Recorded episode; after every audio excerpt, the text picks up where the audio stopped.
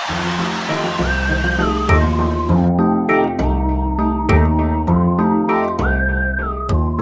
allemaal en welkom bij het Raadsmission, de wekelijks terugkerende geschiedenispodcast. Ja, 30 jaar geleden is het eh, sinds Freddie Mercury is overleden. Nog steeds de allerbeste zanger aller tijden. In de allerbeste band, wat mij betreft, alle tijden. Queen. Daar kan mijn corny eh, intro muziekje niet tegenop natuurlijk, tegen dat Queen geweld. Maar eh, ja, ik ben eh, zelf in 1984 geboren, dus ik kan niet zeggen dat ik echt opgegroeid ben met het geluid. Maar eh, ik ben wel door middel van mijn vader er eh, ja, goed in contact mee geraakt. En sindsdien diehard Queen fan.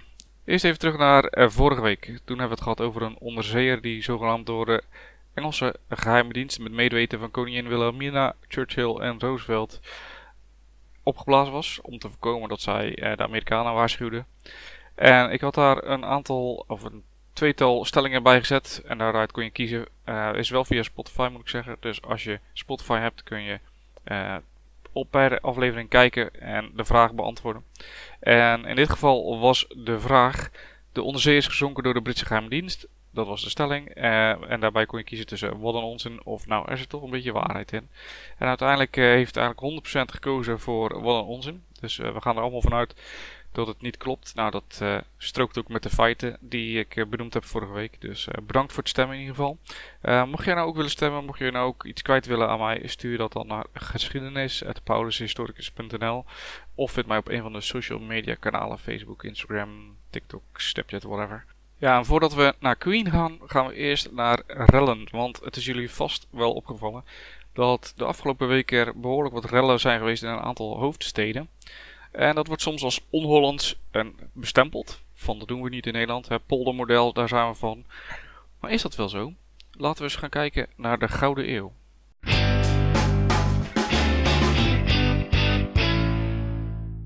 De Gouden Eeuw begint ongeveer 1602, het jaar waarin de VOC werd opgericht, en het eindigt ongeveer 1702. Een eeuw is natuurlijk 100 jaar.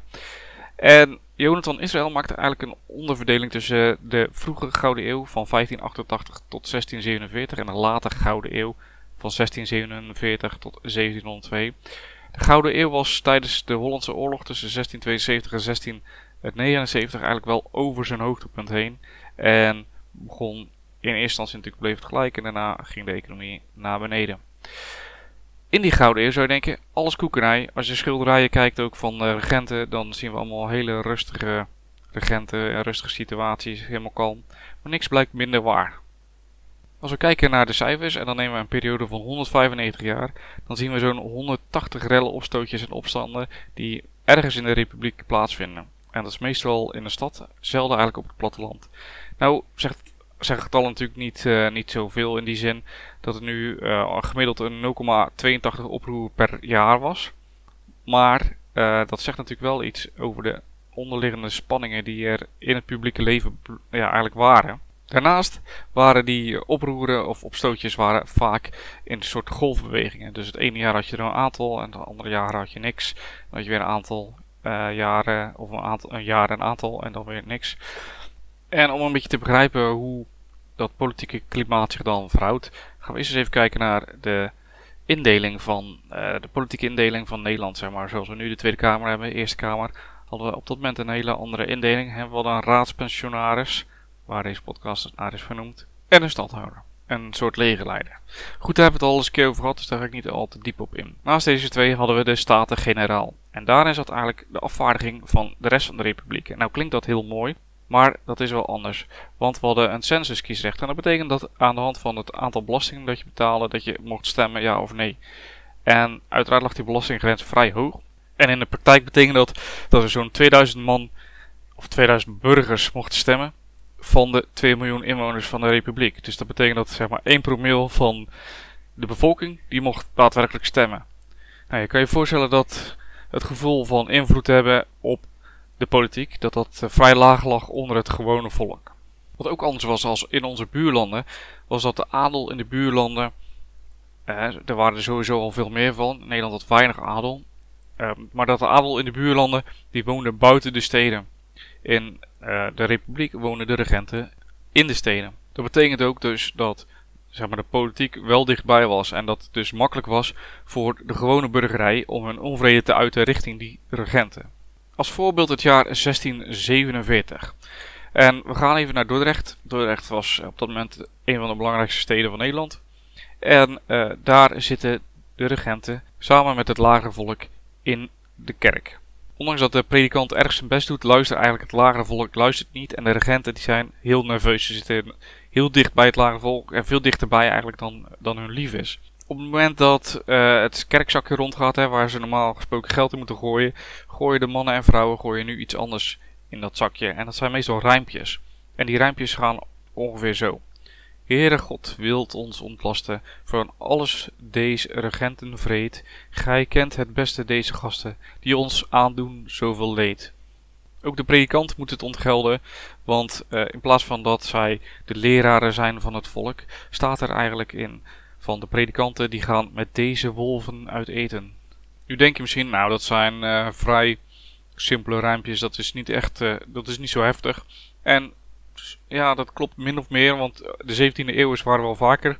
Ze een grote mond hè, tegen de gezagsdragers. Maar over het algemeen deden ze dat heel beperkt. Vaak in, uh, in eigen kring. Want het kwaadspreken van gezagsdragers was strafbaar. Dus dit soort rijmpjes, daar kon, gewoon, kon ervoor zorgen dat je celstraffen krijgt, of lijfstraffen zelfs, zoals geesteling. Dus dat is niet zomaar ja, even iets wat je op het spel zet. Je krijgt uh, gewoon klappen. Dat is eigenlijk wat er gezegd wordt. Dus dat is best wel een harde cultuur.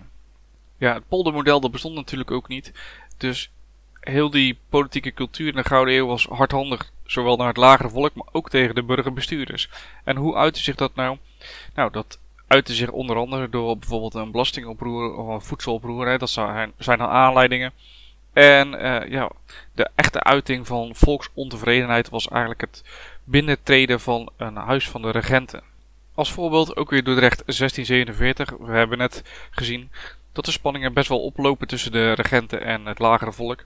En uh, in die tijd waren er nog gilden. Uh, zoals jullie weten, hè, de beroepsgroepen die organiseerden zich in gilden. Dus je had een, uh, een leerlooierijgilde, je had een houthakkersgilde, je had een slagersgilde. Nou, al die gilden. Er waren er 32 in Dordrecht. En ja, ze waren ontevreden. Deze ontevredenheid die uh, uitte ze in geheime vergaderingen. En op een gegeven moment besloot de oude raad, uh, oftewel de stadsregering, besloot een verbod in te stellen op ieder type bijeenkomst. Nou, de gilden waren door dolle heen. Ze weigerden zich daarbij neer te leggen. En vervolgens kwamen hun dekens in beweging.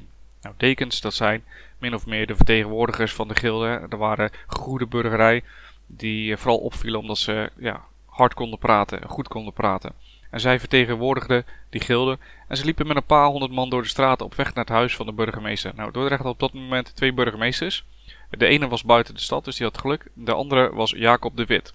Nou, als je een beetje historisch kent, dan weet je dat Jacob de Wit de vader was van uh, de latere raadpensionaris Johan de Wit. Zij klopte bij hem aan de deur en de burgemeester hoorde eerst alle, ja, eigenlijk al het gezeur aan van deze dekens. Het was nogal een waslijst variërend van de onvrede over de vermaagschapping in het stadsbestuur tot woede over het vergaderverbod. En op een gegeven moment had de, de Witte genoeg van. En die zei, jongens, uh, jullie moeten eigenlijk blij zijn. Jullie moeten dankbaar zijn met onze rijke lui, want wij kopen jullie spullen. Hè? En wie, hoe zou je anders geld verdienen zonder de rijke, de rijke lui? Daarna beval hij iedereen om zijn plicht te doen en weer aan het werk te gaan. En eigenlijk lieten ze zichzelf wegsturen. Het stadsbestuur deed wel een aantal concessies, maar de meeste, ja, dat was gewoon voor het, voor het zicht. Het was niet echt uh, structureel iets, uh, iets goed. En het gezag uh, lijkt te hebben gezegevierd op dat moment. Hè. Jacob de Wit heeft iedereen weggestuurd, iedereen gaat weer aan de slag. Maar er was nog een groep mensen die daar waren. En die lieten zich niet zomaar opzij zetten. Dit waren namelijk de zakkendragers. En de zakkendragers waren, ja, weet je wat nu de taxichauffeurs zijn? Uh, ze probeerden de bagage te sjouwen vanuit de haven voor personen, vanuit de haven naar wherever ze heen gingen. Uh, maar het was best wel een ruig volkje. Hè. Ze hadden onderling competitie, dus ze sloegen ook elkaar alles in elkaar omdat ze de zakken wilden dragen van degene die daar stond. En uh, ja, het was dus een ruig volkje en die gingen ook naar burgemeester De Wit. En uh, ze duwde hem naar binnen en een grote kerel blies tabaksrook rook in het gezicht van de wit en die zei... Heerschap, laat ons de beste kamer eens gaan bekijken. Nou, dat was heel erg schrikken. Want een huisplundering, dat was het ergste wat je kon overkomen als regent. Een huisplundering staat voor, ja, precies wat het zegt. Hè. Mensen gaan naar het huis binnen en slopen alles in dat huis, nemen alles mee van waarde en laten helemaal niks achter voor de bewoners. Geen, geen eten, geen bed, helemaal niks. Nou, om te begrijpen hoe erg dat was voor een regent, moet je ervan uitgaan dat in de 17e eeuw materialisme en statusbesef eigenlijk bij elkaar hoorden als bloemen en een vaas. Als je fraaie spullen had, mooie spullen had en je kon dat tonen, ja, dan was je echt, dan was je de man, dan was je het. Wat wel zo was, is dat deze huisplunderingen, daar vielen eh, zelden doden of gewonden. Maar de psychische schade was vaak enorm. En uh, de meest bekende, het meest bekende voorbeeld daarvan was de burgemeester van Landsbergen van Middelburg. Die, uh, ja, die zijn huis was geplunderd en uiteindelijk vluchtte hij maar naar Den Haag en probeerde daar als dokter. Hè, nadat hij burgemeester was geweest. Dus het was, ja, zo'n huisplundering was best wel heftig. Nou, in Dordrecht ging het gelukkig voor burgemeester Jacob de Wit net iets anders. De zakkendragers die ja, die bleven, die bleven niet verder als de gang en uiteindelijk gingen ze ook weer weg. Maar dat betekent niet dat burgemeester De Wit natuurlijk niet uh, behoorlijk geschrokken was. Maar wat hield die zakkendragers nou tegen? Dan komen we op een, op een ander aspect van de middeleeuwse samenleving en dat zijn burgermilities, oftewel de schutters. En deze schutters, deze burgermilities, die waren samengesteld uit de ja, wat betere lagen van uh, de stedelijke samenleving. Eh, ze kochten vaak ook hun eigen wapens. En ze stonden aan uh, of onder leiding van regenten. En zij waren min of meer de, ja, de politiemacht in die tijd. Zij werden dan ook op uh, oproeren of volksoplopen, zoals ze dat noemen, werden ze heen gestuurd om dat neer te slaan. En over het algemeen ging dat wel aardig, maar als de oploop heel divers was van samenstelling, dan kon het natuurlijk wel eens voorkomen dat je als schutter eigenlijk tegenover een bekende staat. Ja, en dan ben je opeens, ja, dan was die, die, die schutterij was al een stuk minder betrouwbaar. Nou, de Wit uh, in dit geval had geluk dat de vier Dordtse schutterijen eigenlijk totaal geen affiniteit hadden met die zakkendragers. Dus meer tegenovergestelde. Dus op het moment dat dat huis van de Wit geplunderd zou zijn, dan hadden de schutters ongetwijfeld hard ingegrepen. En ja, daar zaten die uh, zakkendragers ook niet echt op te wachten. Ja, op het moment dat dan uh, ja, zo'n oproer maar, breder gedragen werd door veel meer mensen, veel meer bevolking gedragen werd, dan was ja, zo'n schutterij steeds minder betrouwbaar. Want ja, je kwam tegenover je bekenden te staan. En soms sloten die schutterijen zich ook aan bij uh, de oproerkraaiers. En als dat gebeurde, dan moest het leger ingezet worden. Maar voordat het leger te plaatsen was, waren er al menig dag verstreken. Ja, en die regentenhuizen waren dan natuurlijk al lang omgebouwd en gesloopt tot een leegtochtig casco. Ja, niets is slechter voor het moraal van de bevolking natuurlijk als oorlog. Nou, er zijn een aantal oorlogen uitgevochten in de Gouden Eeuw. Sowieso drie met Engeland in 1652 tot 1654, in 1665 tot 1667 en van 1672 tot 1674. En bij die laatste, ja, dat was echt het dieptepunt van opstanden die uh, eigenlijk plaatsvonden in de Gouden Eeuw. En dan hebben we het natuurlijk als uh, klap op de vuurpijl uh, over de moord op de gebroeders de Wit. Die natuurlijk door een opstandig volk, een eh, opstandige menigte vermoord werden. En ja, hun lichamen werden compleet overhoop gehaald en verminkt. Ja, zo zie je dat uh, de rellen dus niet echt onholland zijn die op dit moment plaatsvinden. Sterker nog, uh, in deze tijd, of in die tijd, als Mark Rutte er zou zijn, dan zou zijn huis geplunderd worden en helemaal leeggehaald worden. Hij zou niet, is natuurlijk zelf, uh, ja, vermoord worden. Dat is echt een extreme wat er gebeurde met Gebroeders de Wit.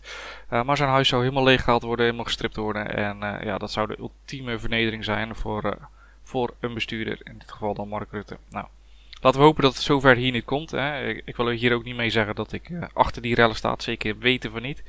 Maar goed, het is wel iets van alle tijden. Ja, en dan nu naar Freddie Mercury.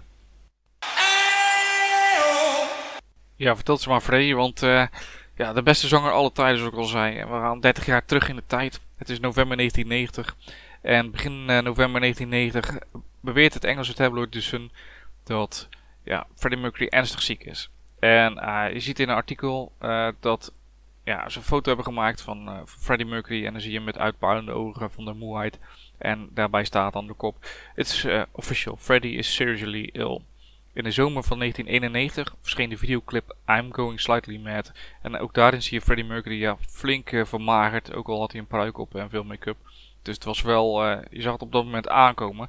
Maar op dat moment ontkende eigenlijk Freddie Mercury dat hij aan AIDS leed. Toch hadden veel mensen het zien aankomen, want in 1986 was uh, de groep Queen en natuurlijk op tournee en uh, die eindigde in Knapworth Park in Stevenage. En op uh, 9 augustus 1986 waren er 350.000 toeschouwers die, ja, zo blijken achteraf het laatste live optreden van Queen konden zien met Freddie Mercury. In instantie zei Freddie van ja, weet je, wie is er nou nog te wachten op een paar oude mannen op een podium? Hè? Hij, werd op, hij werd dat jaar werd hij ook al 40 en hij was ook uh, ouder en rustiger geworden. Ook de verhalen, de wilde feestverhalen van zoals die onder andere in München waren geweest, ja, die feestverhalen verdwenen. In 1989 kwam het album The Miracle uit van Queen. maar er verscheen geen tour. Ook toen verklaarde Freddie weer dat hij en de andere bandleden eigenlijk te oud waren om nog te toeren. Maar natuurlijk had hij eigenlijk al problemen in dat, op dat moment met zijn gezondheid. In 1990 kreeg Queen ook een Brit Award voor een uitzonderlijke bijdrage aan de Britse muziek. En dat was ook de laatste keer dat Freddie Mercury verscheen in het openbaar. Op 23 november 1991, een dag voor zijn overlijden, maakte Freddie Mercury echt bekend dat hij leed aan AIDS. En dat deed hij door middel van een kort persbericht dat hij maakte op zijn, uh, op zijn sterfbed. In het korte persbericht was te lezen: na de enorme speculaties in de pers wil ik bevestigen dat ik HIV-positief ben en AIDS heb. Ik vond het juist om deze informatie niet eerder naar buiten te brengen ter bescherming van de privacy van de mensen om mij heen. Nu is het echter tijd dat mijn vrienden en fans over de hele wereld de waarheid horen. En ik hoop dat iedereen zich bij mij, mijn artsen en alle ter wereld die tegen deze verschrikkelijke ziekte willen vechten voegen. Mijn privacy is altijd heel bijzonder geweest voor mij en ik ben beroemd om mijn gebrek aan interviews gelieve te begrijpen dat dit zo zal blijven. I still love you, jullie Freddy. Freddie Mercury stierf op 24 november 1991 om 18 uur 48 in zijn Londense huis. Uh, officieel aan een longontsteking die natuurlijk uh, ten gevolge van AIDS. Hij werd 45 jaar oud. Nou, waarom het nou zo bijzonder is, wat, wat Queen mij nou zo raakt, is mijn vader was ook 45 toen hij overleed. En ja, niet aan aids dan, maar aan kanker. Maar goed, dat zijn toch ja, dodelijke vergelijkende ziektes. Dus ja, voor mij betekent Queen eigenlijk heel veel. Ook, ook heel veel liedjes, daar ken ik me gewoon in. kan ik me in verplaatsen. Nou ja, goed, jullie kennen het misschien zelf ook wel. dat jullie muziek hebben waarin jullie kunnen verplaatsen ten opzichte van bekenden of geliefden die overleden zijn. Um, na zijn overlijden op paasmaandag 20 april 1992 organiseerden de drie overgebleven bandleden van Queen een herdenkingsconcert. Uh, het is best wel een goed concert. Uh, best wel bijzonder ook om te zien dat er zo weinig zangers eigenlijk dicht in de buurt kwamen van Freddie Mercury. De enige die goed in de buurt kwam was George Michael. Dat is ook een wereldberoemde cover geworden van uh, Somebody to Love. Dus dat is heel mooi. Um, het geld dat ingezameld werd voor het concert werd in de Mercury Phoenix Trust Fund gestopt. En dat was een een fonds opgericht ter nagedachtenis aan de zanger en met als doel de bestrijding van AIDS door medisch onderzoek en publieke voorlichting. Vijf jaar na zijn dood werd een standbeeld van Freddie Mercury onthuld in Montreux. Dat was een uh, plek in Zwitserland waar hij uh, regelmatig gewoond heeft, voor langere tijd gewoond heeft. In 1997 kwamen de overige leden nog één keer bij elkaar om een single op te nemen ter nagedachtenis van Freddie Mercury. En die single heet No One But You. Deze single uh, heb ik gedraaid op de crematie van mijn vader. En de naam van de single, dus No One But You, heb ik ook op mijn armen getatoeëerd. Daarna stopte John Deacon met, met ja, spelen voor Queen en hij komt ook nooit meer terug. Hij kwam ook nooit meer terug. We hebben natuurlijk nog daarna een, een, musical, de musical We Will Rock You hebben we nog gekend. En ook de Bohemian Rhapsody film, waar Rami Malek de hoofdrol speelt van Freddie Mercury. Die kwam in 2018. Ja, en zo is het dus alweer heel lang geleden dat de grootste zanger aller tijden overleed. En als een soort tribute heb ik hier een achter, zeg maar de outro. Dus na dit, dit stukje heb ik een interview met hem geplakt, of ga ik plakken. En um, ja, wil ik jullie weer bedanken voor het luisteren naar mijn podcast deze week. ik hoop dat jullie er volgende week weer bij zijn. Um, kijk op Spotify naar de vraag. het is een open vraag, namelijk wat is voor jullie het beste nummer van Queen ooit? Ik ben benieuwd wat jullie reacties zijn. Misschien hou je niet van Queen hoor, dat kan ook. Dan hoef je natuurlijk niet te reageren. Maar als jij nou een favoriet nummer hebt van Queen, laat het dan weten. Als je andere vragen hebt of opmerkingen, stuur die dan naar geschiedenis.paulushistoricus of vind mij op een van de social media kanalen. Nogmaals bedankt voor het luisteren en tot volgende week.